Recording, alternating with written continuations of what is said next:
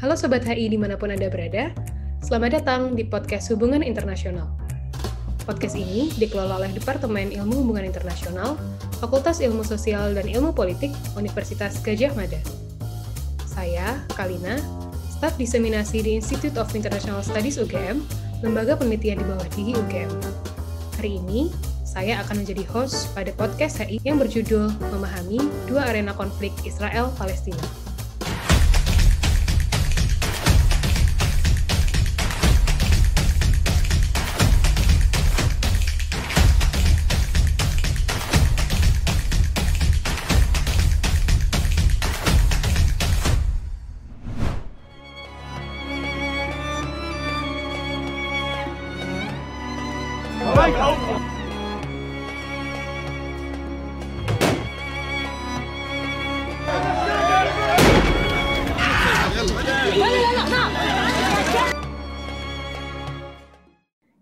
Bulan Ramadan lalu, dunia dikembarkan dengan berita munculnya serangan udara Israel yang menggembur Gaza sebagai respon atas serangan yang diluncurkan oleh kubu Hamas pasca bentrok Israel-Palestina di Yerusalem Timur. Sebagai implikasinya, tidak hanya berbagai tempat tinggal dan bangunan penting hancur, namun juga menewaskan setidaknya ratusan orang dan 1.500 orang terluka. Peristiwa ini juga memaksa 58.000 orang untuk mengungsi dan membuat berbagai negara di dunia mengecam tindakan yang dianggap melawan kemanusiaan. Berangkat dari hal itu, podcast Hubungan Internasional telah menghadirkan dua narasumber yang berkapabilitas untuk menjelaskan lebih jauh mengenai isu Israel-Palestina. Beruntung sekali nih, karena pada podcast kali ini kita kedatangan dua alumni legenda yang sangat ahli utamanya dalam isu Israel-Palestina nih. Yang pertama ada Mas Kisino Bawono, seorang alumni HIUGM angkatan 2009 dan sekarang Mas Nino menjadi salah satu dosen inspiratif nih di jurusan Ilmu Hubungan Internasional FISIP Universitas Katolik Parahyangan. Mas Nino berfokus di kajian politik Timur Tengah utamanya terkait Israel Palestina. Halo Mas Nino, apa kabar? Halo Kalina, kabar baik di Nah, tempat saya. Ya, uh, kita uh, menunggu ini ya Mas pendapat-pendapat dari Mas Nino nih. Semoga diskusinya bisa asik ya pada hari ini. Oke, lalu selanjutnya uh, ada dosen keren juga nih yang juga turut menemani saya kali ini, yaitu adalah Mas Hadza MF Robi, seorang alumni HIUGM angkatan 2010. Nah, saat ini Mas Hadza menjadi dosen pada program studi Hubungan Internasional, Fakultas Psikologi dan Ilmu Sosial Budaya, Universitas Islam Indonesia. Mas Hadza merupakan ahli politik Turki. Nah, halo Mas, Mas Hadza, apa kabar? Halo, baik Kalin. Oke, semoga sehat selalu ya Mas, dan kita Ya, tunggu nih diskusi amin. asiknya hari Siap. ini. Oke, pertama-tama nih Mas, eh, berbicara mengenai isu Israel-Palestina ini kan memang tidak ada habisnya, mengingat bahwa konflik ini kan telah memiliki sejarah yang sangat panjang. Belum lagi berbagai aktor turut masuk ke dalam konflik ini. Nah, tidak hanya itu, peristiwa yang baru-baru ini terjadi juga membuat isu Israel-Palestina kan sekarang menjadi hangat ya Mas untuk diperbincangkan di mana-mana. Dan mungkin banyak juga perdebatan itu Mas terkait bahwa ini isu terkait dengan agama atau isu kemanusiaan, banyak yang sedang memperdebatkan itu saat ini. Nah, mungkin mengawalinya nih dari Mas Hadza dulu ya Mas, Oke. eh, yang merupakan seorang ahli politik Turki nih. Boleh nggak Mas eh, dijelaskan sebenarnya apa sih Mas akar dari konflik Israel-Palestina gitu? Bagaimana nih sejarahnya? Oke, eh, makasih Kalina untuk waktunya. Eh, mungkin apa saya tidak akan menjelaskan ini dalam perspektif yang begitu panjang kali ya. Saya ak- akan mencoba untuk menyederhanakan masalahnya dalam eh, beberapa poin gitu. Jadi saya akan mulai eh, ini tentu saja dari bagaimana kemudian kebijakan pemerintahan Turki Utsmani terhadap eksistensi orang Yahudi.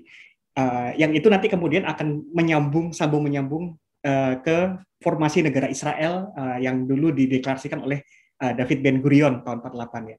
Jadi saya tidak mulai sejarahnya seperti ini. Bagaimana orang Yahudi kok bisa sampai ke daerah yang sekarang di- diperebutkan antara Israel dan Palestina begitu.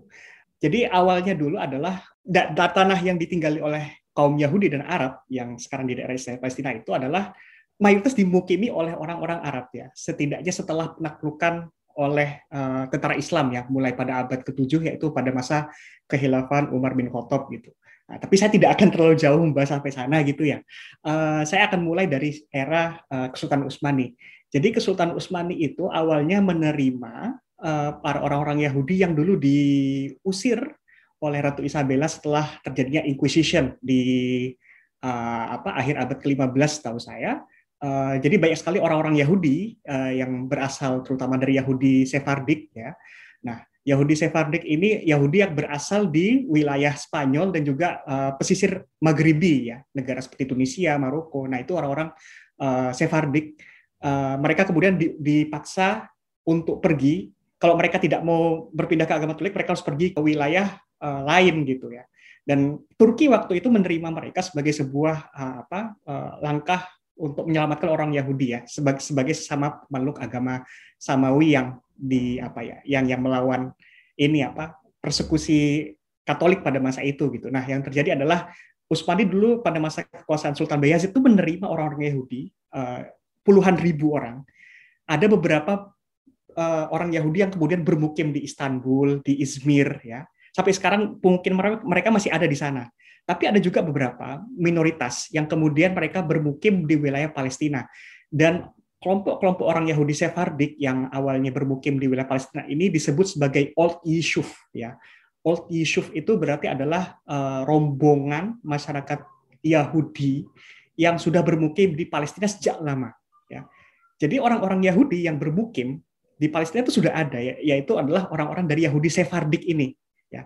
Nah, ini ini penting untuk kita ketahui ya, karena nanti akan ada perbedaan antara orang Yahudi Sephardik yang uh, lebih dekat afiliasi budaya dengan orang Arab dengan orang-orang Ashkenazi yang nanti akan datang dari Eropa menuju ke Palestina itu akan ada perbedaannya. Nah, saya, saya jelaskan dulu yang ini ya, supaya nanti alur ceritanya jelas.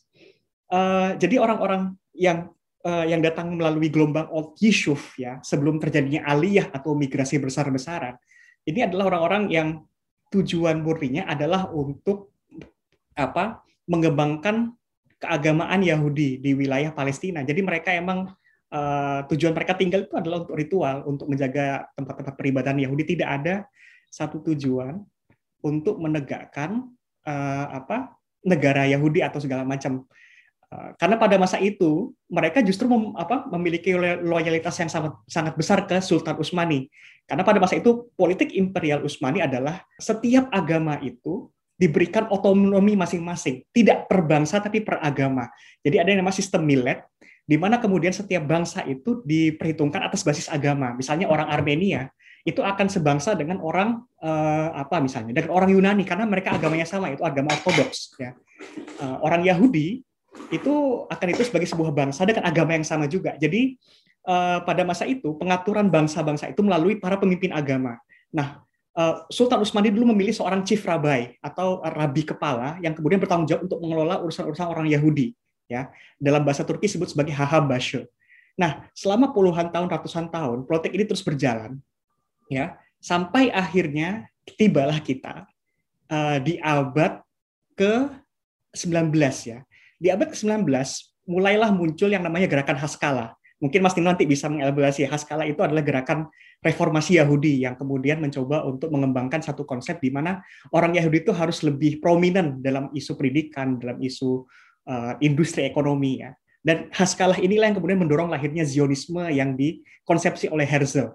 Nah, Zionisme apa? Zionisme itu nanti mungkin Mas Tino bisa mengelaborasi lagi ya dengan lebih detail.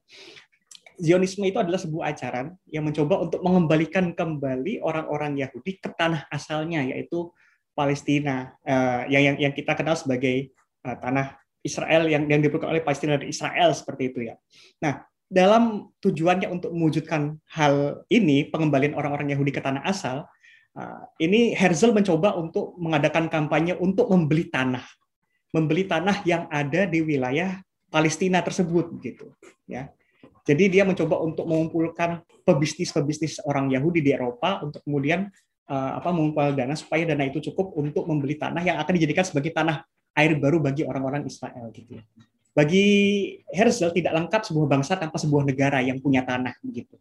Nah, dalam upaya Herzl untuk melakukan peresmian negara ini ya, pembangunan negara Israel ini, uh, dia kemudian tentu saja harus bertemu dengan otoritas Utsmani yang masih pada waktu itu masih berkuasa ya Nah, pada masa itu kemudian Herzl itu sempat bertemu beberapa kali dengan Sultan Abdul Hamid II. Bahkan uh, Herzl ini sempat diberikan gelar juga, gelar kehormatan gitu, yang disebut sebagai Mejidia Nishane. Kenapa? Karena Herzl ini dianggap sebagai orang yang menjadi uh, jembatan antara antara masyarakat Yahudi Eropa dengan uh, Turki dan pada masa itu Abdul Hamid sebenarnya tidak ada masalah dengan itu gitu. Hanya saja yang menjadi masalah bagi Abdul Hamid adalah orang Yahudi tidak boleh melakukan mobilisasi massal uh, yang dapat mengganggu kestabilan masyarakat ya di Palestina.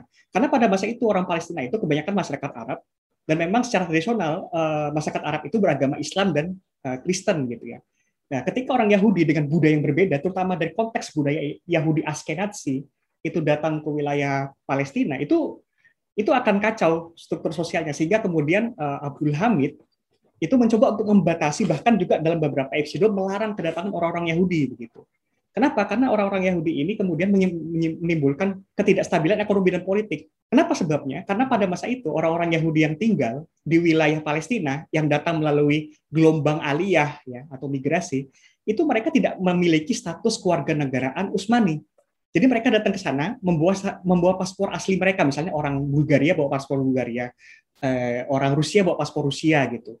Mereka tinggal di sana dengan paspor luar gitu, dan mereka mendapatkan banyak sekali apa exemption lah, tax exemption segala macam gitu. Karena pada masa itu kenapa? Karena pada masa itu Utsmani itu butuh duit.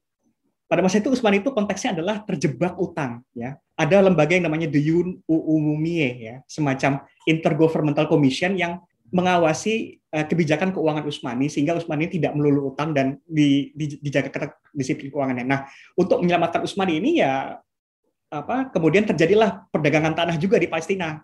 Namun ada hal-hal yang kemudian Uh, menyebabkan per perdagangan tanah itu dihentikan oleh Abdul Hamid. Salah satunya adalah karena hal ini menimbulkan konflik horizontal antara orang Arab dan Yahudi pada masa itu begitu. Nah, hal-hal lain yang perlu saya tekankan adalah pada masa itu juga di Utsmani juga terjadi satu konsepsi yang disebut sebagai keluargaan Utsmani. Jadi pada masa itu Utsmani mulai mengadopsi sistem keluarga negara ala Prancis ya, yang berbasis pada legali apa uh, liberty, equality dan fraternity.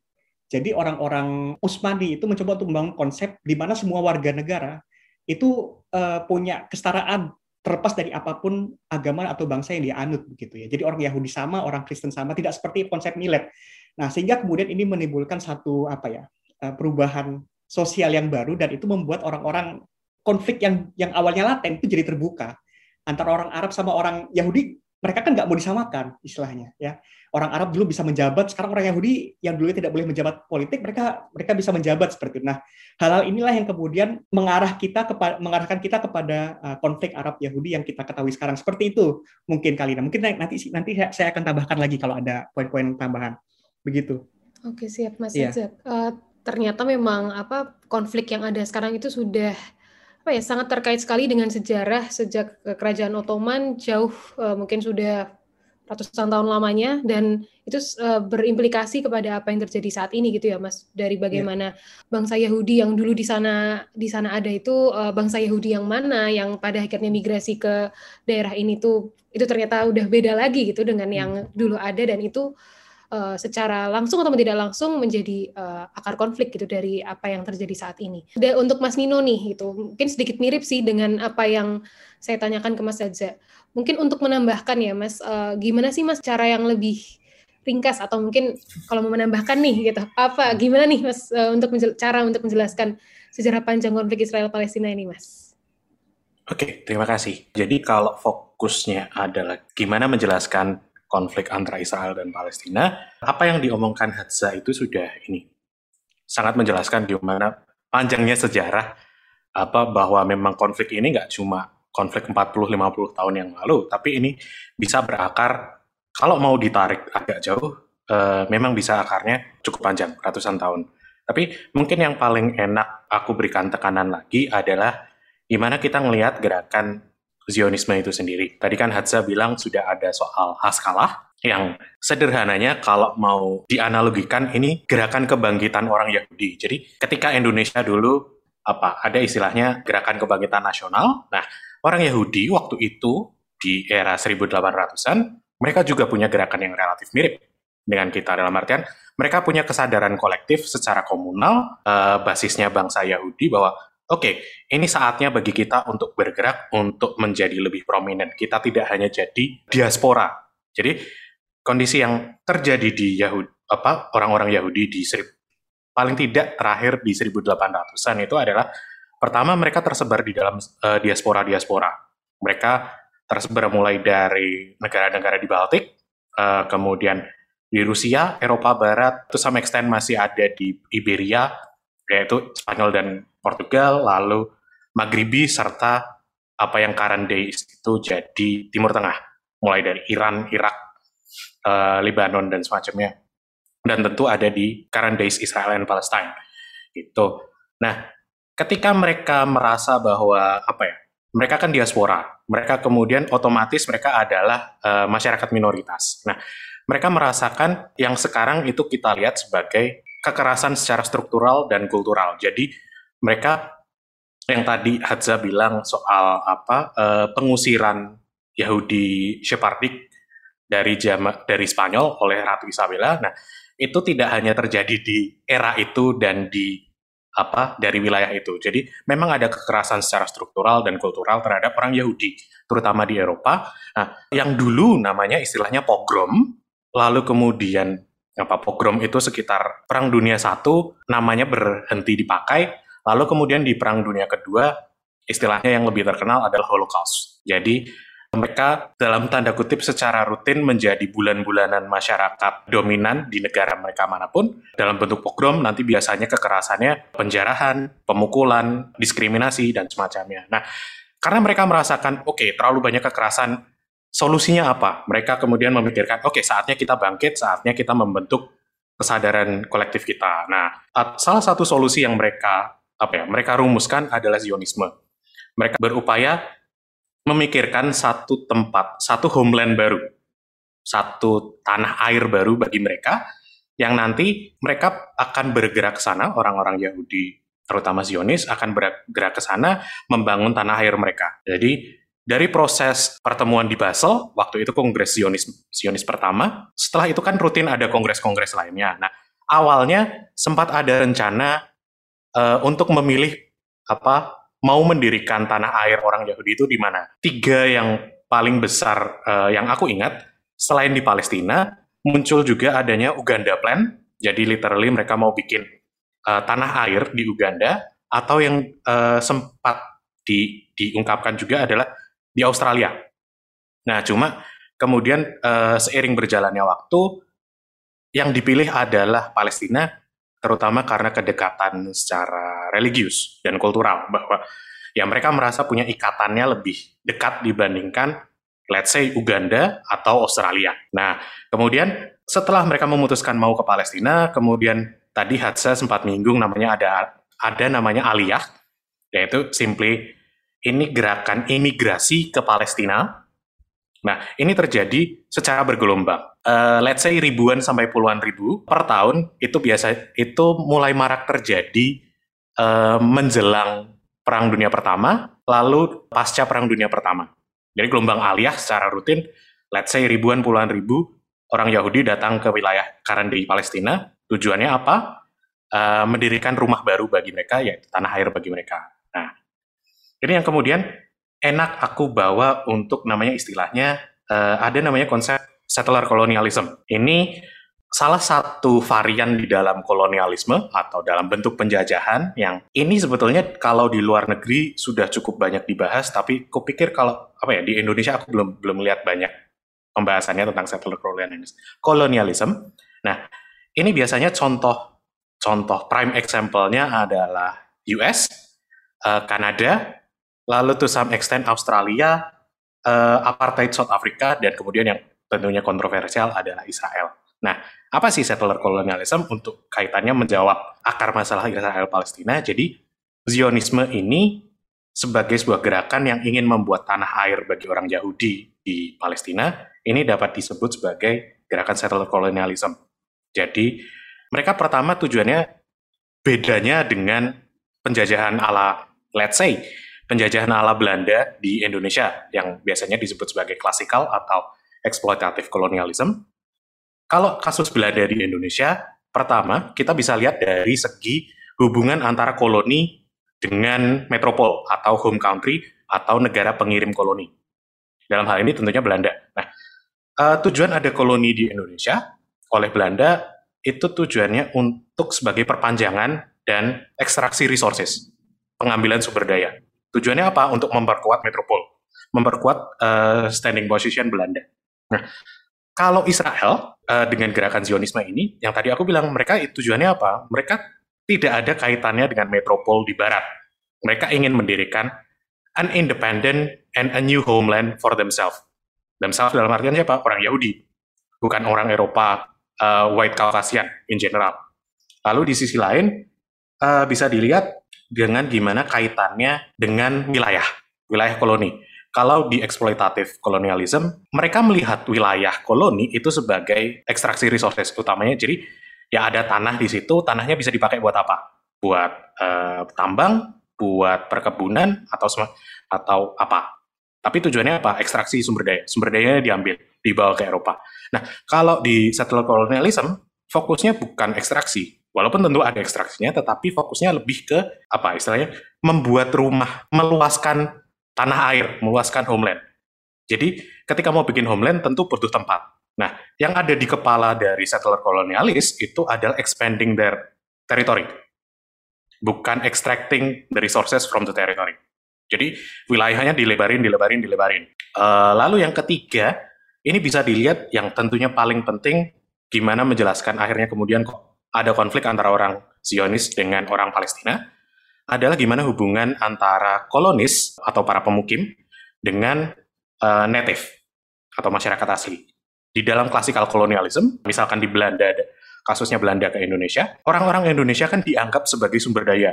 Kemudian di, dimasukkan ke dalam roda ekonomi koloni. Jadi ya mereka dianggap sebagai sumber daya gitu loh. Sementara kalau di kasusnya di Israel atau di settler kolonialisme, native ini dianggap sebagai ancaman, dianggap sebagai halangan. Halangan apa? Untuk membuat homeland. Kok bisa? Uh, jadi gini, kal katakanlah kalau aku mau membuat satu tanah air baru, sementara tanah air baru itu sudah ada masyarakat aslinya, aku kan nggak bisa dengan serta-merta, oh itu rumahku. Aku harus menghilangkan orang asli tersebut, supaya kemudian aku bisa mengklaim bahwa aku adalah masyarakat asli di situ. Nah, jadi kalau mau dilihat sekian ratus tahun terakhir mulai dari gerakan Sionisme sampai sekarang itu kalau dari kacamata settler kolonialisme itu adalah upaya yang terstruktur dan kontinu dari terutama dari kelompok Zionis untuk membuat tanah air baru bagi orang Yahudi di Palestina dengan merugikan atau dengan menghilangkan orang Palestina baik secara fisik maupun secara psikis. Oke Mas, uh, berarti tadi ada tambahan poin tentang gimana sih sebenarnya, uh, bagaimana isu Israel Palestina ini dilihat dari terutama perspektif atau ini baru nih, saya saya sendiri di kampus belum pernah dengar ini sih Mas, settler colonialism gitu. Ini, uh, gimana, uh, gerakan Zionisme tadi, uh, Mas Nino juga menjelaskan tentang Zionisme, itu, uh, bertujuan untuk, uh, expanding territory bukan exploiting bukan explo exploiting, uh, sumber daya yang ada seperti, uh, classical classical colonialism itu ya Mas. Nah mungkin ini ada pertanyaan tambahan sih Mas, gara-gara Mas Nino nih tadi uh, ngomongin tentang ini, terus aku saya jadi penasaran kan dengar-dengar ini juga banyak juga yang memperdebatkan bahwa ini tuh ada dalam konteks mungkin tadi juga setelah Ottoman, setelah Turki itu juga ada Inggris yang masuk, katanya menjajah, menjajah wilayah itu. Dan selanjutnya ada deklarasi Balfour itu, yang katanya sih ini mungkin bisa sekalian diklarifikasi gitu mas, biar pada clear gitu. Ini tuh katanya ini perjanjian ini itu yang uh, yang membuat pada akhirnya kasarannya kayak Inggris itu menjanji, menjanjikan negara kepada uh, Israel. Nah, itu benar atau enggak sih, Mas? Nah, mungkin boleh nih dari Mas Zedza dulu ya, mungkin kalau mau menjawab nih, Mas. Benar atau enggak itu, Mas? Oke, okay, uh, eh, kalau kita lihat dari Balfour ya, kalau kita lihat dari Balfour itu kan sebenarnya sebuah upaya dari Inggris untuk kemudian uh, menyelesaikan yang disebut sebagai the Jewish question ya itu the Jewish question itu sebenarnya bukan pertanyaan hanya untuk Inggris tapi untuk semua negara Eropa ya karena negara Eropa itu salah satu dosa terbesar dari eh, negara-negara Eropa terutama dari abad ke-18 sampai ke-19 adalah persekusi mereka terhadap orang Yahudi ya. Nah, itu yang kemudian mereka coba formulasikan jawabannya melalui pembentukan satu komite yang kemudian bisa mewujudkan aspirasi orang Yahudi untuk untuk membangun negara uh, sendiri gitu ya. Ya tadi yang seperti Mas Nino sebutkan di Uganda, di Australia, tapi di Australia pun sempat apa diperbicarakan tapi gagal karena orang Australia pun menolak itu dan orang Yahudi tidak merasa bahwa Australia itu dekat dengan apa yang mereka inginkan ya. Tapi kita lihat dari apa dari Balfour ini kita lihat bahwa uh, konflik horizontal antara orang Arab dan Yahudi itu semakin menguat. Kenapa? Karena orang-orang Yahudi itu semakin merasa bahwa mereka punya banyak pelindungan dari negara-negara besar gitu ya, dari protege ya dan perlindungan ini sebenarnya diberikan mulai pada saat eh, orang-orang Yahudi membeli tanah di era Utsmani ya. Jadi kenapa orang-orang Yahudi bisa membeli tanah di daerah Utsmani? Itu karena mereka itu dimediasi oleh negara-negara Eropa, oleh Prancis, oleh Inggris.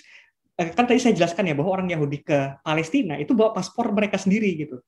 Jadi mereka di sana statusnya bukan warga negara Utsmani, tapi kemudian warga negara Prancis yang kemudian mereka kalau ngurus apa-apa tuh lewat konsulatnya oleh kedutaannya sehingga ketika kemudian mereka dilanggar haknya uh, mereka berurusan dengan konsulatnya bukan dengan warga negara tersebut gitu ya, jadi ada sebuah mekanisme yang kemudian berlanjut sampai setelah usainya perang dunia pertama ini gitu. Pada saat perang dunia setelah perang dunia pertama mungkin mereka punya permanent residency di Palestina meskipun saya tidak tahu kondisi secara detail. Tapi pada masa-masa ini kemudian muncullah pergerakan paramiliter ya baik itu di Arab maupun Yahudi. Ya misalnya di di Yahudi ada Irgun ya di Arab ada gerakan seperti misalnya uh, brigade-brigade yang dipimpin oleh uh, Izzuddin Al-Qassam gitu uh, yang mencoba sama-sama untuk uh, melindungi hak masing-masing bangsa gitu.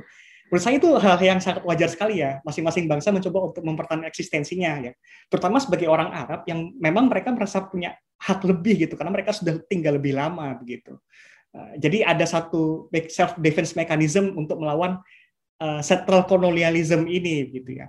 Dan radikalisasi konflik menurut saya terjadi di era yang yang sangat menentukan defining momentsnya adalah tahun 1930 sampai 48 ini ya. Apa-apa yang terjadi setelah 48 itu merupakan sebuah siklus yang tidak ber, ber, berakhir dari apa yang sudah dibangun sejak tahun 30-an ini begitu. Kalau menurut saya seperti itu. Mungkin Mas Nino ada jawaban lain. Monggo.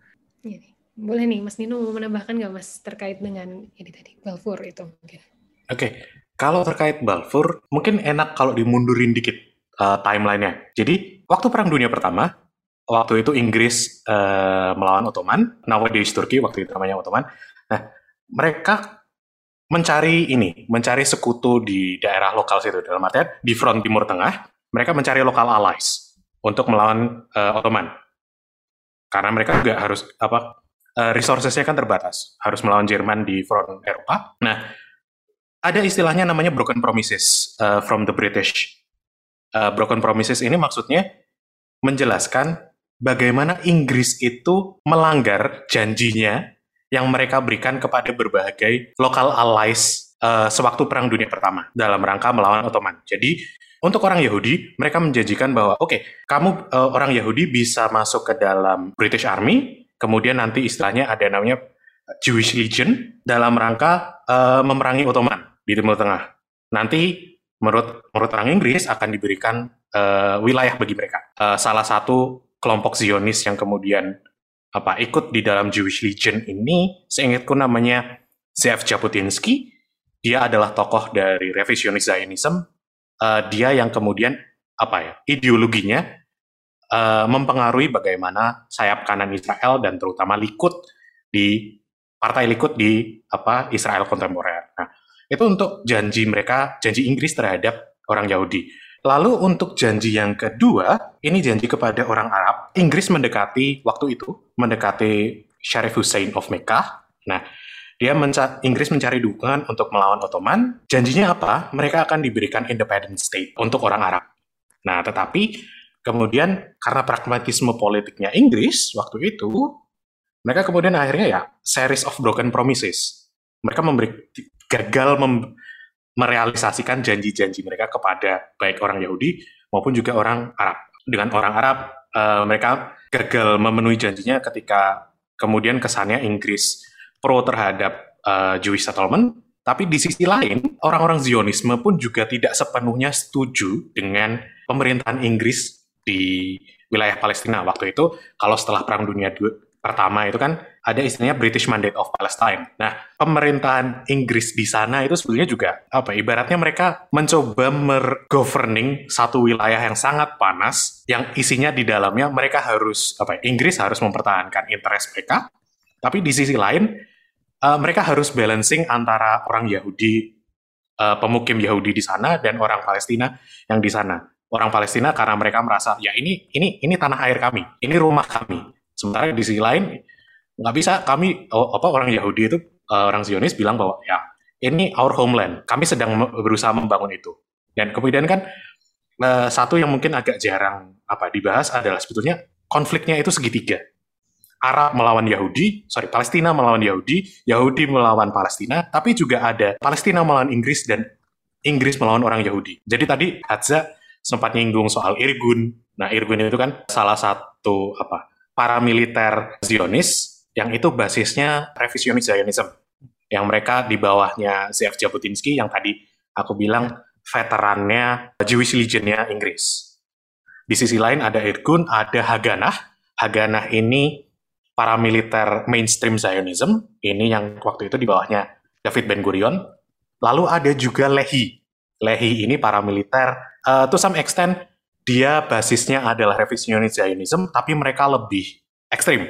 Nah, itu pimpinannya Itzhak Amir. Uh, kalau Irgun itu tadi yang aku bilang, dia dipimpin oleh Zev Jabotinsky, kemudian digantikan oleh uh, Menachem Begin. Nah, tiga, tiga gerakan ini, uh, Haganah, Irgun, dan Lehi, ini yang kemudian yang biasanya sering ribut dengan Inggris dan juga orang Palestina tentunya. Nah, tadi kan Hadza juga singgung gimana momen pentingnya itu di apa 1920-an, 1930-an. Mungkin bisa ditekankan dengan kerusuhan di 1930-an akhir di mana ada perlawanan uh, revolt dari pihak Palestinian terhadap Inggris. Jadi waktu itu Palestina merasa Inggris ini uh, tidak mendukung mereka basically ya another form of colonialism, British colonialism. Mereka memberontak, kemudian direpresi secara besar-besaran oleh Inggris, orang Palestina kalah total.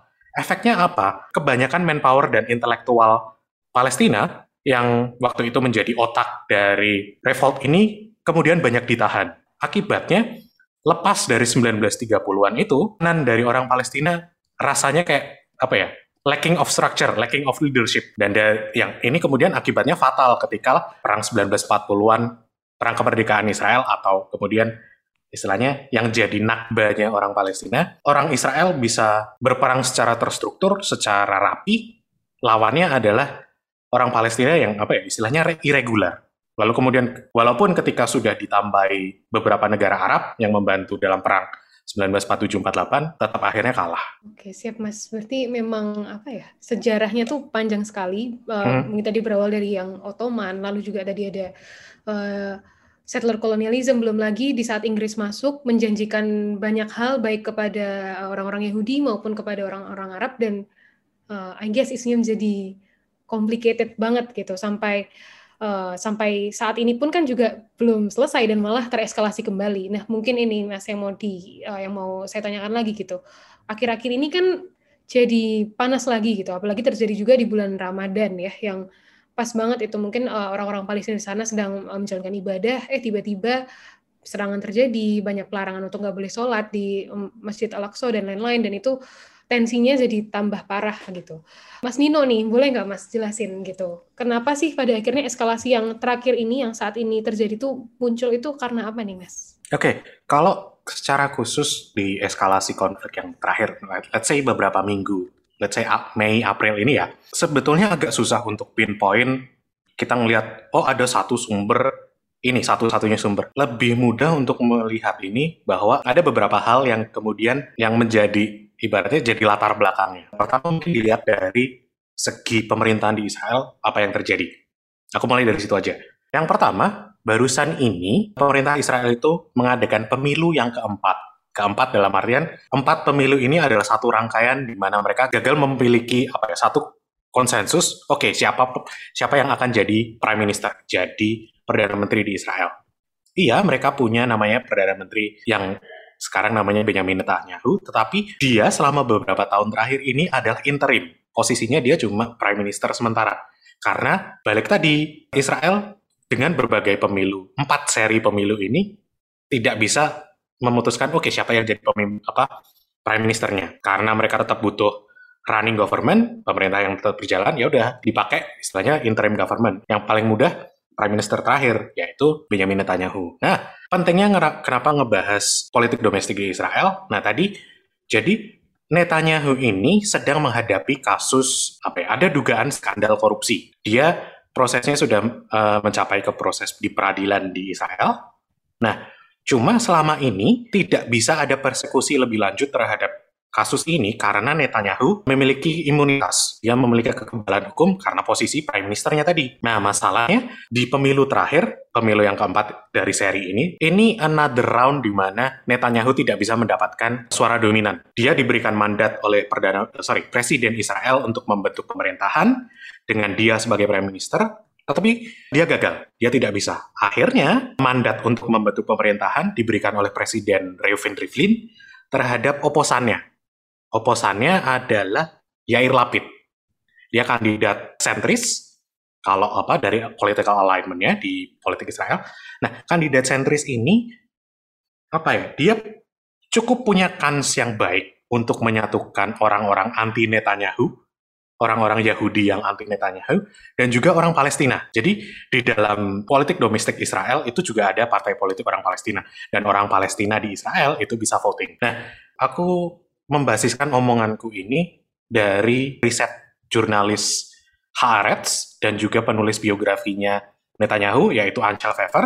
Nah, dia bilang bahwa ada dugaan wave of violence di akhir-akhir ini itu digunakan oleh Netanyahu untuk mengganggu proses uh, konsolidasi dari Yair Lapid. Jadi ada pola di dalam politik domestik Israel, terutama dari sayap kanan yang relatif lebih hawkish yang relatif kelihatan anti Palestinian ya, mereka akan mengganggu upaya perdamaian, upaya kerjasama antara uh, Palestina dan Yahudi, baik itu di apa Palestina dalam artian PLO, uh, eh, dalam artian Palestinian Authority, ataupun Palestinian within Israel, ya warga warga citizens of Israel, tapi yang dengan basis etnisitas orang Palestina. Nah, tiap ada gelombang kekerasan, tiap ada konflik yang panas, biasanya dukungan untuk perdamaian, dukungan untuk kerjasama ini kemudian memudar. Nah, kaitannya kalau dibalikin ke kasusnya Netanyahu gimana?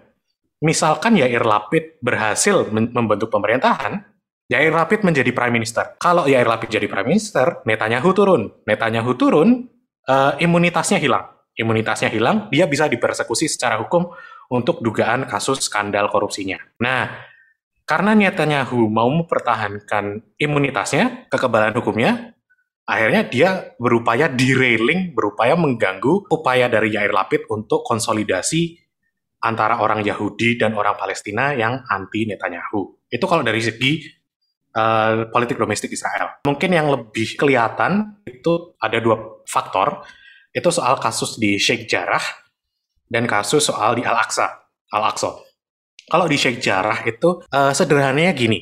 Jadi Sheikh Jarrah ini adalah satu wilayah pemukiman di Yerusalem Timur yang kalau menurut laporan dari Marina Sergides dari Pluto Journal, dia bilang paling tidak sejak tahun 2010 itu sudah ada sengketa hukum pemukiman tersebut. Jadi pemukiman itu awalnya didominasi oleh refugee, Palestinian refugee yang kemudian bermukim di situ karena mereka mengungsi dari perang tahun 48 dan tahun 67. Nah, mereka sudah bermukim di situ sekian lama, cuma kemudian mereka ditendang keluar, ada force eviction oleh pemerintahan Israel secara khusus yang menendang, yang mengeluarkan mereka adalah organisasi pemukim. Jadi pemukim-pemukim di Israel, Yahudi di Israel, Zionis di Israel ini punya organisasi. Nah, salah satu organisasi yang bersengketa dengan orang Palestina di Sheikh Jarrah itu namanya adalah Nahalat Simon International atau Nahalat Simon Company. Jadi, ini semacam organisasi atau perusahaan yang mewakili atau mengatasi jadi payung dari para pemukim Zionis yang mereka ingin hadir di tepi barat, terutama di Yerusalem Timur, khususnya di Sheikh Jarrah. Jadi mereka mengklaim bahwa pemukiman tersebut dan beberapa rumah di sana itu sebetulnya milik orang Yahudi. Basisnya apa? Mereka eh, apa?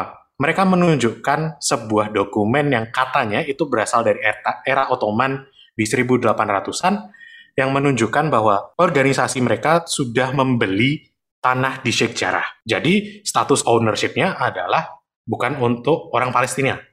Yang kemudian Nahalat Shimon Company atau Nahalat Shimon International ini, karena mereka sudah merasa punya legal basisnya yang mereka anggap valid, mereka berani mengirimkan uh, pemukim.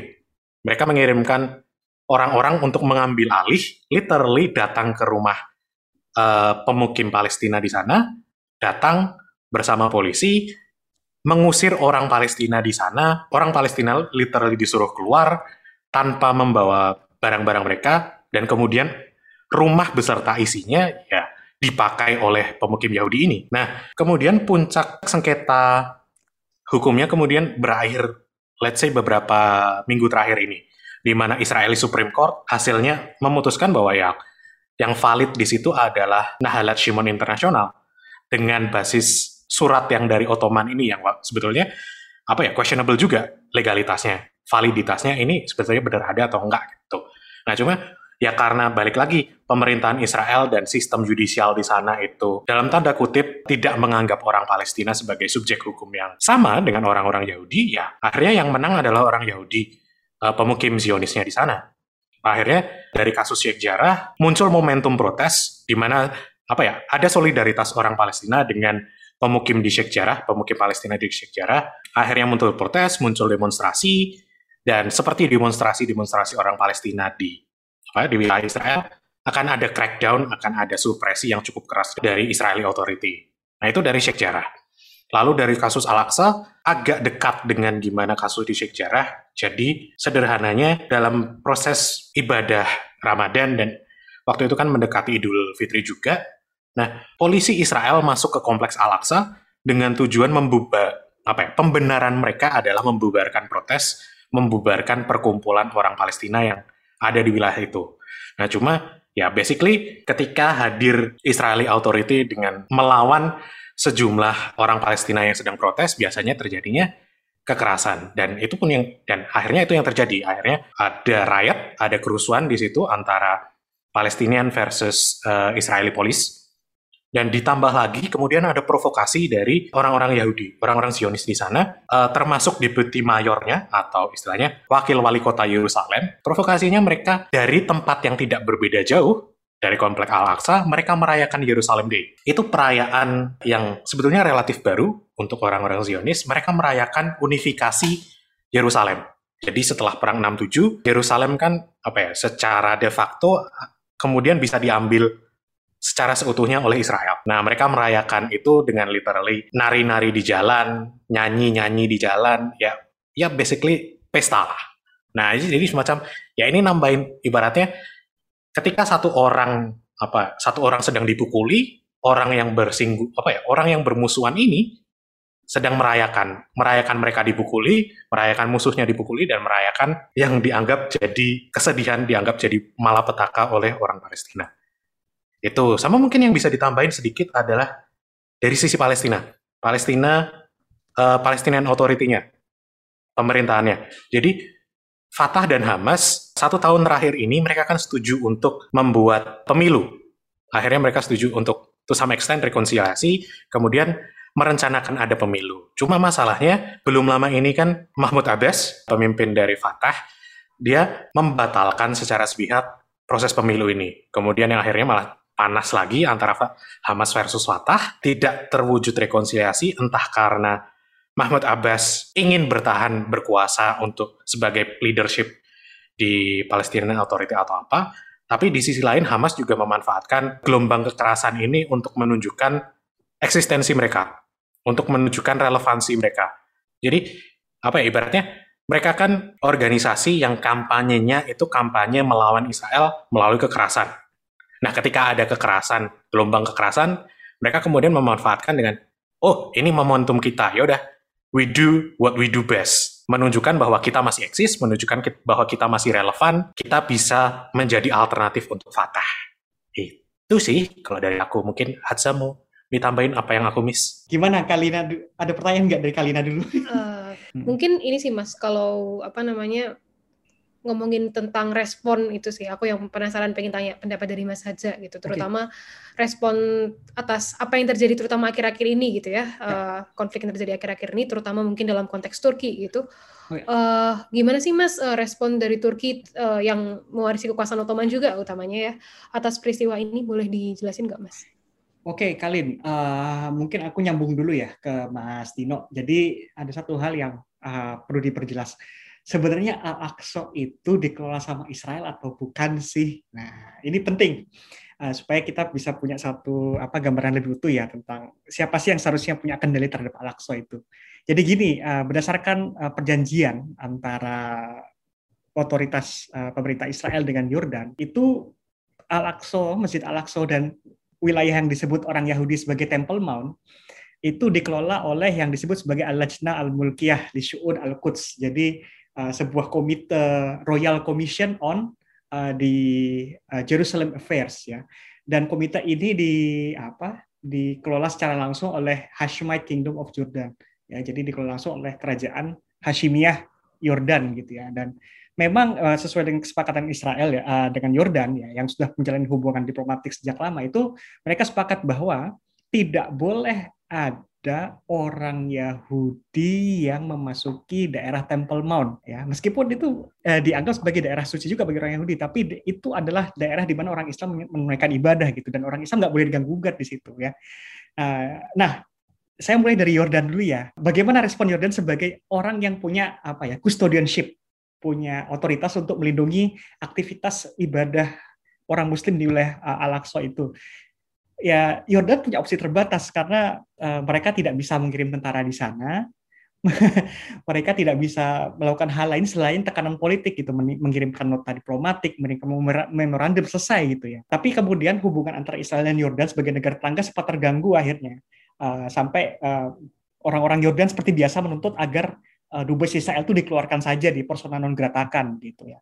Ini kalau kita bahas uh, dari aspek apa ya uh, custodianship of uh, of Al-Aqsa Mosque gitu ya, atau uh, siapa yang punya kendali terhadap Al-Aqsa. Sebenarnya Yordan punya kendali tapi hanya kendali secara agama dan secara politik tidak lebih dari itu gitu. Keamanan tetap di tangan Israel dan Israel harus memastikan uh, supaya tidak ada orang-orang Yahudi yang iseng yang masuk ke situ gitu dengan alasan apa pun. Tapi sering kali kemudian uh, polisi Israel ya bergerak atas apa ya motif-motif politik juga akan didorong oleh dinamika politik yang terjadi di Israel seperti yang dijelaskan oleh Mas Nino tadi. Nah, kita coba bahas ya respon negara-negara itu Timur Tengah satu persatu gitu ya. Misalnya yang paling penting adalah Turki ya, karena Turki merasa bahwa mereka masih punya himaye.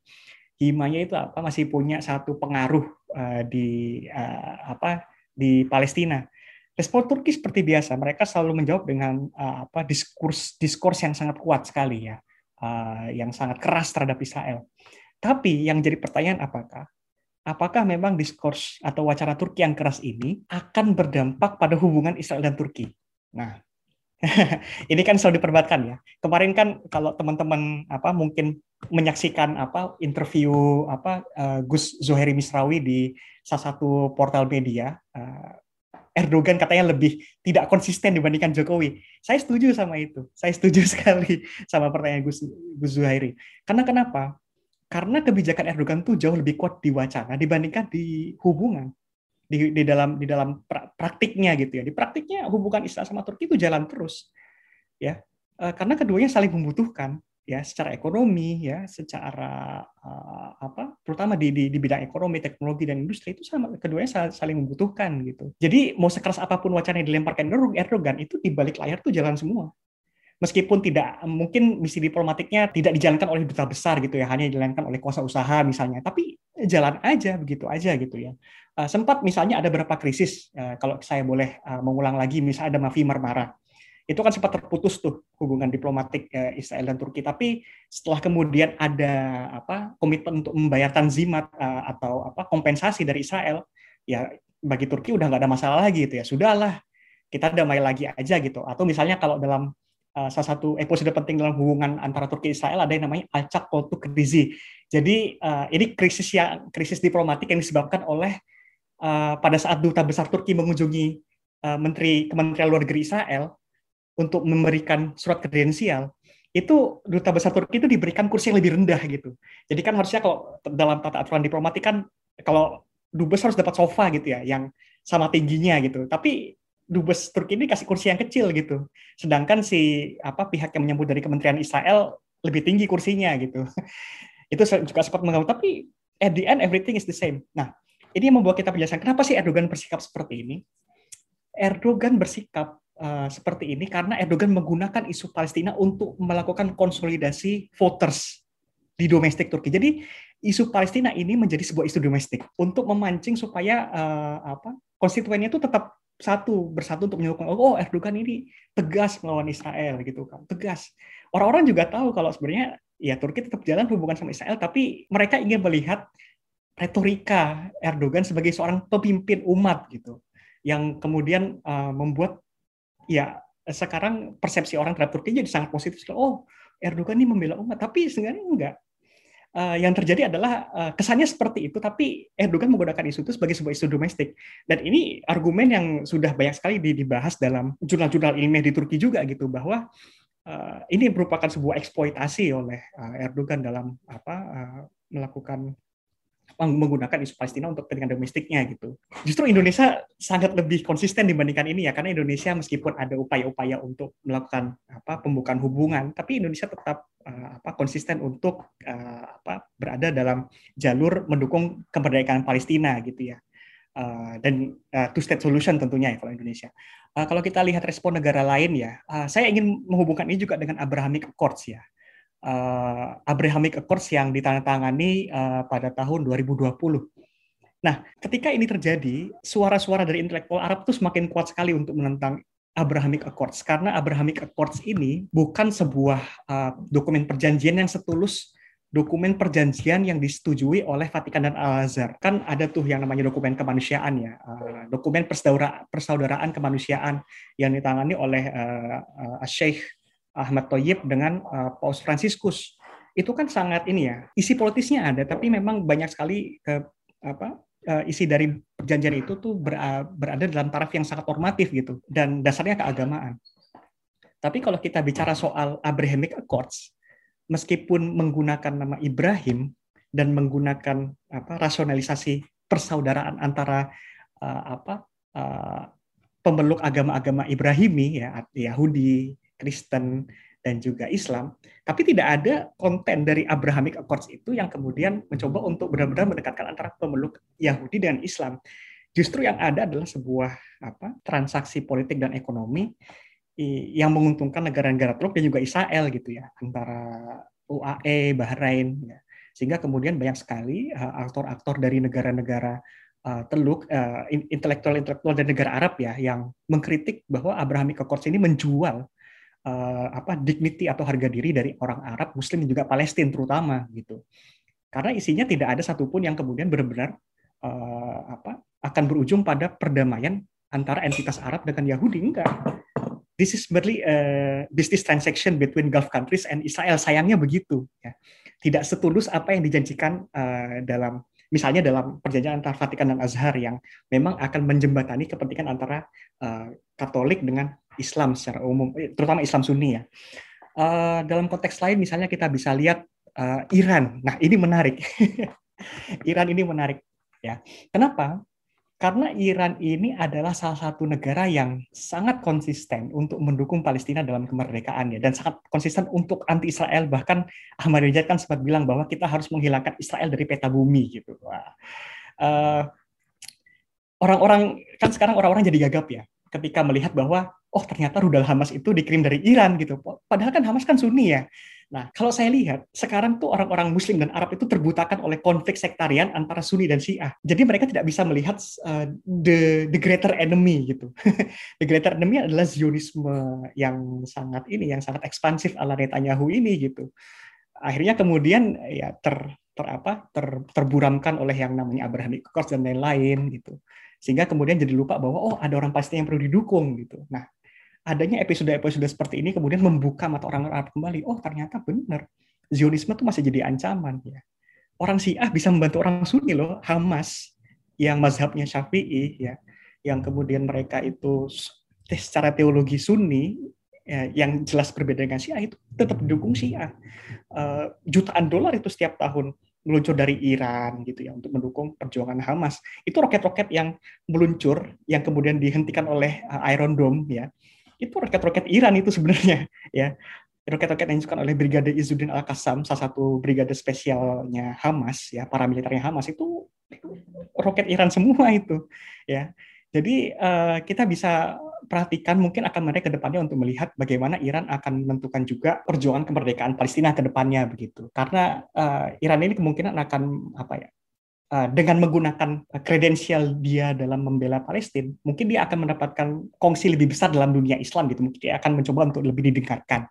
Ya, meskipun kita tahu bahwa Iran juga uh, punya apa ya uh, nama yang tidak baik di misalnya di masalah Yaman di di Suriah dan lain-lainnya gitu ya tapi dalam masalah Palestina mereka sangat konsisten misalnya kalau kita lihat negara-negara Muslim lain saya pikir uh, sikap yang sama tetap ada ya tapi yang yang kurang adalah satu upaya untuk membentuk sebuah komisi tetap gitu ya antara mas uh, antara negara-negara Muslim gitu kemarin Turki sempat usul dan usulan Turki agak ekstrim untuk mengirim pasukan internasional ke Yerusalem ya untuk melindungi kepentingan warga Muslim.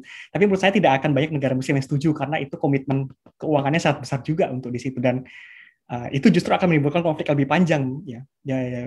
Kalau dulu misalnya uh, di tahun-tahun 30-an itu ada namanya Komisi Al-Quds ya uh, yang mencoba untuk memastikan bahwa Yerusalem ini bisa dikelola secara bersama oleh umat Muslim dan juga oleh dengan umat-umat beragama yang lain gitu. Dulu Turki juga sebenarnya punya usulan lebih uh, peaceful gitu. Misalnya Ahmed Davutoglu tuh punya usulan bagaimana kalau Yerusalem ini dijadikan zona internasional. Jadi nggak boleh ada satupun negara yang mengklaim uh, kepemilikan atas Yerusalem, tapi Yerusalem harus dikelola oleh tokoh-tokoh agama. Katolik ya. Jadi ada apa interreligious commission yang akan bertanggung jawab untuk mengelola kehidupan dan juga uh, administratif dan juga keagamaan di Yerusalem karena Yerusalem ini sangat spesial statusnya bagi semua agama itu gitu. Uh, mungkin itu yang yang yang bisa saya bahas untuk uh, sementara waktu. Yeah. Monggo. Hmm, nah. Seperti uh, menarik sih tentang yeah. yang bisa saya garis garis bawahi ya dari uh, jawaban Mas Aca tadi bahwa mungkin negara-negara uh, Arab ini responnya bisa dikatakan kurang cukup gitu ya Mas atau gimana? Jadi um, kalau kurang cukup saya lihat ini adalah sebuah kemarahan yang reaktif gitu. Hmm. Kemarahan yang reaktif, uh, tapi bukan ya, tidak ada satu kebijakan yang muncul untuk merespon masalah ini secara mendalam gitu, nggak ada. yeah. Hanya kemarin-kemarin yang reaktif, tapi mungkin episode Sheikh Jarrah dan juga Gaza ini melahirkan satu pola baru ya, satu kesadaran baru, terutama di kalangan rakyat-rakyat Arab yang biasa gitu ya, dan mereka sebenarnya sudah jengah juga dengan slogan-slogan perdamaian tapi yang kosong yeah. gitu kan. Hmm. Uh, jadi it's only, it's only possible with justice ya. Ya itulah yang kemudian sekarang berkembang di kalangan orang-orang Arab gitu. Ya buat apa kita perdamaian kalau orang sesama orang Arab kita di Palestina masih menderita ya buat apa gitu. Hmm. Kita mungkin sejahtera secara ekonomi di Emirat, di Saudi hmm. sejahtera tapi kalau orang Palestina nggak ada apa-apanya ya sudah gitu. Hmm. Nah, ini penting juga untuk dilihat bahwa yang paling penting juga sekarang orang-orang Arab di Israel itu kan nggak kecil ya, gede loh proporsinya ya nggak Mas Nino kan mereka juga bekerja di sektor kesehatan. Itu banyak loh orang-orang Arab yang berjasa dalam apa menangani COVID. Itu banyak sekali orang-orang Arab Israel yang yang yang berperan di sana itu. Nah, jadi uh, mereka me, me, apa, membuat suara mereka makin terdengar uh, dengan Sheikh Jarrah ini gitu. Kalau kalian ngapa-apa ya kami akan ini akan mogok gitu. Dan kemarin sudah agak ada mogok gitu ya. Jadi uh, untuk melihat masalah ini juga kita perlu memperhatikan dinamika komunitas Arab yang menjadi warga negara Israel gitu dan mereka berperan sangat aktif sekali dalam kehidupan uh, politik, ekonomi dan sosial di sana begitu. Kalau mungkin penasaran nih dari menurut Mas Nido, udah cukup belum Mas responnya? Tadi kan kalau uh, hmm. Mas saja bilangnya ya mungkin dalam skala wacananya udah oke okay, tapi praktiknya belum ada yang terrealisasi banget gitu. Kalau menurut Mas Nino nggak cuma negara-negara Arab sih tapi negara di dunia ini uh, menanggapi okay. isu ini. Oke, okay. thank you Kalina. Uh, Mungkin pertama yang aku pengen sambung dari Hatsa adalah aku setuju dengan sentimen bahwa kebanyakan respon-respon uh, negara Arab dan juga apa ya negara yang meng kemudian mengklaim uh, ada solidaritas sesama Muslim. Nah, ada notion, ada ada rasa bahwa apa yang mereka omongkan, retorika yang mereka omongkan itu apa ya bagian dari kampanye politiknya mereka masing-masing. Maksudnya gini, dalam artian tadi Hadza kan bilang bahwa Erdogan itu menyatukan publik domestiknya dengan salah satunya isu Palestina. Kemudian akhirnya Erdogan bilang bahwa ya kami akan membela Palestina lalalili lalalili. Nah, itu pun juga terjadi di di banyak tempat di apa ya, entah itu di negara Arab, entah itu di uh, Muslim majority country bahwa ya memang isu uh, let's be real. Itu realita yang apa ya, pahit tapi memang itu yang terjadi bahwa banyak pemerintahan yang retorikanya keras terhadap Israel tetapi di belakang layar tetap tetap ada hubungan dagang. Itu itu satu yang perlu kita sadari. Yang kadang orang-orang orang denying bahwa enggak kok kita keras terhadap Israel, Israel uh, kita konsisten terhadap Israel, tapi di belakang tetap dagang. Sebagai contoh, let's say ada riset dari namanya Profesor, sorry, dia profesor atau dokter, aku lupa, namanya Mirjam, Mirjam Looking, dia dari Hebrew University of Jerusalem, dia salah satu risetnya yang terakhir adalah wisata religi dari Indonesia ke Israel, khususnya ke Yerusalem. Jadi secara rutin ada ribuan sampai belasan ribuan per tahun, terutama sebelum COVID, uh, wisatawan religius, baik itu berbasis orang-orang agama Kristen, yaitu Katolik dan Protestan, atau wisatawan Muslim ke Yerusalem. Terlepas berbagai macam konflik di belakang, terlepas dari retorika-retorika yang ada, to some extent business as usual, dagang tetap jalan gitu deh. Itu itu mungkin pertama yang aku pengen highlight juga, pengen tambah dikit uh, dari poinnya Hadza. Lalu mungkin aku tarik ke non Timur Tengah atau non Muslim. Gimana gitu uh, responnya terhadap kasus di latest flare up di Israel dan Palestina. Aku mulai mungkin dari US. Kalau secara pemerintahan, pemerintahannya Biden uh, riset terakhirku adalah Rabu tanggal 19 Mei, jadi mungkin bisa berubah. Tetapi terakhir uh, di 19 Mei itu kabarnya Presiden Biden sudah mencoba menelpon Prime Minister Netanyahu untuk dieskalasi. Cuma Prime Minister Netanyahu nggak mau, tidak mendengarkan permintaan dari Presiden Biden. Itu dari US kalau dari segi pemerintahnya. Kalau dari segi yang menarik apa ya akhir-akhir ini mungkin dari segi komposisi domestik terutama di kongresnya Amerika. Jadi akhir-akhir ini kan apa ada ada kelompok progresif Demokrat, Demokrat yang lebih kiri, Demokrat yang ya istilahnya progresif. Ini yang kemudian uh, bintangnya yang sering dilihat adalah Alexandria Ocasio-Cortez. Nah, Alexandria Ocasio-Cortez bersama dengan Ilhan Omar, bersama dengan Rashida Talib, Rashida khususnya secara Rashida Talib ini uh, Palestinian American, jadi refugee Palestina yang ada di yang kemudian beralih pindah ke Amerika dan berhasil di apa masuk ke dalam apa sistem politik AS. Nah, mereka memperkenalkan bills untuk aku lupa detailnya tapi yang jelas intinya adalah tidak memberikan funding pembiayaan terhadap Israel. Jadi kan Israel secara rutin mendapatkan funding dari US, terutama untuk masalah militernya. Nah, cuma melihat bills-nya ini gimana komposisi domestiknya AS mungkin ya di satu sisi ini pergerakan yang menarik tapi kesannya kalau mau agak skeptis ya nanti akan akan gagal karena istilahnya proses lobby dari orang-orang pro Israel di dalam pemer, apa legislatifnya AS itu cukup kuat. Jadi nanti mungkin yang dilihat adalah gimana tarik ulur antara yang ingin kritis terhadap Israel atau yang ingin pro terhadap Israel, apa pun ya, kepentingannya. Itu dari US. Kalau dari Rusia, terakhir aku baca dari newsweek.com, mereka juga mengumumkan bahwa mereka istilahnya apa ya, ya sama seperti negara lainnya, mereka mengirimkan surat bahwa ya strong rewarded letter condemning apa Israeli violence terhadap uh, Gaza dan juga terhadap orang-orang Palestina di wilayah Israel. Tapi ya itu dari dua negara besar, Amerika dan Rusia. Tapi lepas apa ya? Bahkan dari dua negara besar itu pun rasanya kurang cukup untuk uh, membuat Israel kemudian akhirnya oke okay, ya sudah kita back down kita deeskalasi jadi so far rasanya yeah. in general strong rewarded letter itu nggak cukup kalau nggak ada follow upnya hmm. itu sih ya yeah, seperti yang udah disampaikan sama Mas Nino uh, belum cukup nih gitu upaya-upaya yang dilakukan oleh negara-negara baik tadi mungkin uh, di negara-negara Arab maupun negara-negara di luar Arab gitu ya. Terus uh, ngomong-ngomong tentang Indonesia, tadi sebenarnya uh, aku mau nge-follow up dengan bilang sebenarnya Indonesia cukup konsisten nih kalau misal ngomongin tentang Palestina. Tapi tadi terus Mas Nino juga ngebawa data tentang sebenarnya bisnis uh, apa travel uh, travel yang tentang wisata religi di Yerusalem itu tetap jalan nih gitu. Ternyata ternyata begitu risetnya. Nah, uh, gimana nih uh, untuk kedua mas-mas ini ya? Uh, sebenarnya apa sih masih bisa dilakukan oleh pemerintah Indonesia gitu? Selama ini kan Indonesia juga yang kayak ya selama menjadi de, uh, di anggota tidak tetap di DKPBB aktif menyuarakan, aktif menyuarakan terus gitu. Tapi gimana sih mas harusnya tuh uh, uh, Indonesia tuh melakukan apa pemerintah kita ini harusnya melakukan apa mungkin dari mas Hadza dulu ada rekomendasi nggak sih mas untuk pemerintah kita menanggapi isu ini terutama kan tekanan domestik kita sekarang lagi kuat banget itu ya ter untuk dukungan terhadap Palestina. Begini, saya pikir salah satu hal yang perlu dipikirkan oleh pemerintah Indonesia adalah untuk menambah jumlah ahli Israel.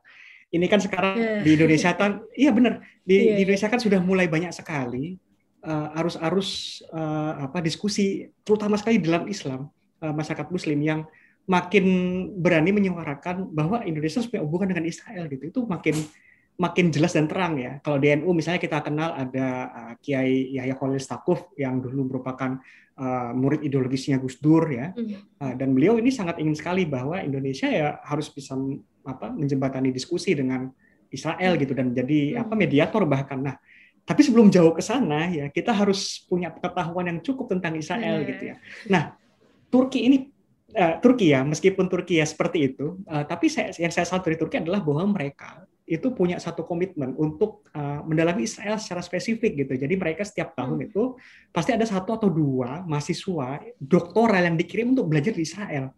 Hmm. Nah, dibayari untuk belajar bahasa Ibrani, terus bahkan ambil master atau doktoral di misalnya di Hebrew University of Jerusalem di di Haifa gitu mereka di dibiayai oleh pemerintah untuk belajar di sana untuk mempelajari sebenarnya orang Israel tuh berpikir seperti apa sih nah itu mungkin bisa kita pikirkan juga gitu. Uh, menurut saya area studies terutama di soal Israel ini harus makin di, di, di, di diperbagus gitu ya. Hmm. Saya tidak tahu apakah memang ada diplomat kita yang punya kemampuan bahasa Ibrani. Saya nggak tahu ya, kalau bahasa Arab banyak sekali jelas gitu. Yeah, yeah. Diplomat kita yang bahasa yang yang pandai bahasa berbahasa Arab udah banyak sekali. Tapi yang berbahasa Ibrani siapa? Nah itu dia. Hmm. Nah, ya. Yang kedua ya kita harus bisa membuka ruang dialog uh, tentang uh, apakah memang Indonesia tuh perlu secara terang-terangan membuka hubungan diplomatik dan dan ini harus jadi sebuah diskusi yang hmm. Uh, tidak hanya berjalan di, di, di ranah akademis tapi juga di ranah populer juga gitu ya. Hmm. Saya pikir itu makin penting untuk kita bicarakan gitu karena kemungkinan besar dalam beberapa tahun ke depan ini isu ini akan jadi isu yang semakin hangat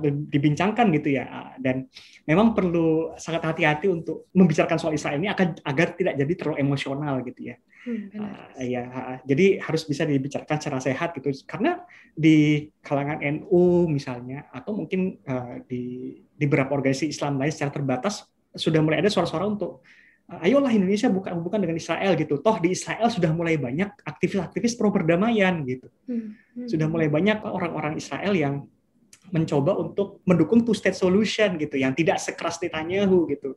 Nah, menurut saya uh, proses ini akan ter, akan makin terbuka ketika uh, di Israel itu orang-orang moderat seperti Yair Lapid itu nanti akan menang gitu dan hmm Eh, nah ini akan makin membuka peluang-peluang apa pembicaraan baru ya. Meskipun kemudian pasti ada beberapa partai-partai uh, dan juga golongan-golongan yang mencoba untuk menghentikan pembicaraan tersebut gitu ya. Uh, misalnya kalau dari apa dari partai Islam yang paling konsisten membela Palestina kan PKS ada ya. PKS sangat non kompromistis untuk urusan ini gitu ya.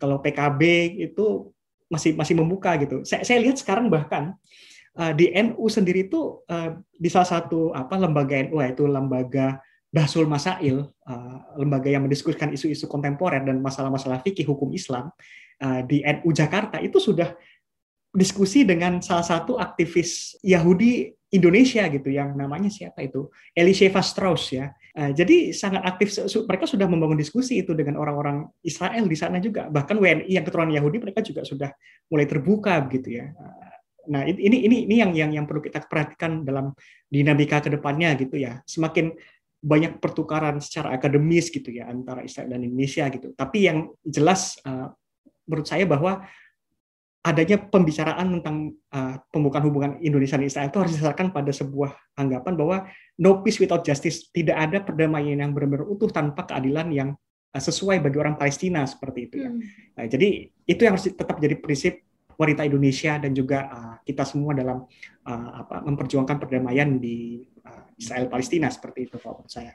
Oh ya, benar banget sih Mas. Uh, diskusi terkait dengan seharusnya Indonesia ini membuka hubungan diplomatis atau enggak dengan Israel itu juga belum menjadi apa ya isu yang sangat populer untuk dibicarakan gitu. Bahkan saya ingat dulu pernah datang ke salah satu forum bersama dengan Kementerian Luar Negeri di zaman mereka memang akan cukup sulit kalau kita membuka membuka hubungan dengan mereka karena alasan lalalala gitu yang seperti sudah disampaikan oleh Mas Haja tadi. Tapi ide mengenai uh, bagaimana Indonesia harus mempelajari lagi nih tentang Israel karena memang cukup sulit ya Mas kalau misal kita memang hanya ngelihat dari si Palestina aja akan sulit untuk um, two state solution ini tadi. Kalau untuk Mas Nino, Mas uh, ada rekomendasi apa nih buat pemerintah kita? Uh, sebelum sebelum aku apa bicara lebih lanjut gimana rekomendasinya, aku pengen nambah apa yang tadi sudah Hadza omongkan, terutama tentang lebih banyak ahli Israel di Indonesia. Jadi selama ini yang hasil aku pikirkan, aku refleksikan, kita kenapa kemudian aku memfokuskan diri kepada politik domestik Israel. Karena secara pribadi aku melihat sudah banyak sekali orang-orang yang uh, melihat konflik Israel dan Palestina di Indonesia terutama dari sisi orang Palestina atau bahkan dari segi politik internasionalnya seperti apa. Tetapi apa ya rasanya yang masih sedikit yang paling sedikit adalah orang-orang yang lihat ke dalam bagaimana Israel itu berpikir bagaimana Israel itu secara pemerintahan di, dijalankan apa yang ada di kepala mereka apa yang ada di prioritasnya apa yang ada di kepentingan dari partai-partai politik yang di sana itu seperti apa. Jadi apa pun policy yang akan dikeluarkan pemerintah Indonesia rasanya akan lebih baik kalau itu lebih grounded, lebih berakar pada realita, berakar pada pengetahuan tentang terjadinya di, yang di sana itu terjadinya gimana. Apa yang ada di kepala dari counterpart diplomasi mereka. Gitu. Jadi mungkin salah satu langkah realit, apa, realistis yang bisa di ini kan mungkin adalah pertama menambahkan Israel sebagai salah satu daftar negara tujuan studi di Kemendikbud jadi hmm. uh, Kemendikbud itu kan punya daftar negara-negara yang diakui proses pendidikannya untuk hmm. kemudian disetarakan ijazahnya. Okay. Nah, Israel adalah salah satu negara yang tidak ada di daftarnya sampai aku memutuskan untuk ambil studi di 2017 lalu. Jadi aku memutuskan studi S2 di 2017. Salah satu tujuanku waktu itu adalah Israel. Cuma karena Israel tidak ada, ijazahnya tidak diakui kan berarti saya uh, aku tidak bisa mengajukan beasiswa ke pemerintah Indonesia karena hmm. tujuannya tidak negara itu tidak diakui. Nah, mungkin itu itu solusi yang agak gila, yang agak wild. Itu itu mungkin pertama itu karena tadi tujuannya ya menambahkan orang-orang yang paham tentang Israel itu gimana, gitu kan? Nah, itu mungkin kalau dari segi ini pemerintah harusnya gimana. Di sisi lain mungkin kayak ya jangan cuma retorika tapi ada follow up follow up yang itu juga dikomunikasikan ke common people. Jadi kesannya pemerintah melakukan A, B, C, D, E di DKPBB. Kemarin kan belum lama Instagram dari Kemenlu mempromosikan bahwa diplomat kita di DKPBB sudah melakukan A, B, C, D, E, F, G. Tapi mungkin kan itu tidak tidak sampai ke common people, tidak sampai ke orang biasa macam aku, macam kita ini. Mungkin itu yang pertama. Jadi lebih banyak digaungkan apa yang apa saja yang sudah pemerintah lakukan. Lalu di sisi lain ada follow up-nya bahwa ya oke okay, di satu sisi mereka sudah melakukan uh, diplomasi seperti ini kayak gitu gimana lala lili nah kemudian ada follow up-nya apa yang lebih real yang lebih impactful. Jadi tujuannya ad, melakukan sesuatu yang ada impact-nya ada dampaknya terutama terhadap gimana uh, tindakan Israel sebagai sebuah negara terhadap orang Palestina di dalam Israel maupun orang Palestina di tepi barat dan di Gaza. Kalau dari aku mungkin itu aja. Oke. okay. Nah, terima kasih banget nih Mas. Uh, sepertinya list pertanyaan saya udah terjawab semua dan sungguh uh, menarik sekali diskusi pada hari ini uh, karena memang apa ya isu tentang Israel Palestina ini kan sangat panjang, sangat rumit, sangat complicated dan ternyata memang uh, saya rasa uh, yang dijelaskan oleh Mas Nino dan juga Mas Hadzani apa ya bisa menjawab secara runtut dan terperinci tentang apa yang terjadi di Israel Palestina saat ini dari zaman dulu hingga konteks saat ini. Bahkan tadi memberikan rekomendasi yang menurut menurut saya sendiri out of the box dan itu memang menurut saya harus banget sih dilakukan karena selama ini masih belum dilakukan oleh pemerintah kita. Jadi uh, harapannya sih uh, sobat-sobat HI yang mendengarkan podcast pada kali ini bisa dicerahkan ya atas isu Israel Palestina karena kan sekarang lagi panas banget nih isunya. Nah sekali lagi terima kasih banyak ya untuk Mas Nino, untuk Mas Saja udah bersedia untuk hadir uh, dalam podcast hubungan internasional di edisi memahami dua arena konflik Israel Palestina. Nah, uh, saya berharap supaya kita berkesempatan untuk ngobrol lagi ya Mas ke depannya dan thanks sekali untuk sharing-sharing yang sangat um, insightful pada hari ini. Dan untuk menutup, saya ingin mengingatkan kepada sobat-sobat HI yang mendengarkan podcast ini, jangan lupa bahwa podcast HI tersedia di Spotify, Anchor, Google Podcast, dan juga tersedia di kanal YouTube HIUGM. Jangan lupa ya untuk saksikan dan dengarkan terus podcast hubungan internasional, dan terima kasih juga sudah mendengarkan hingga akhir. Stay tune untuk episode-episode berikutnya, dan sampai jumpa.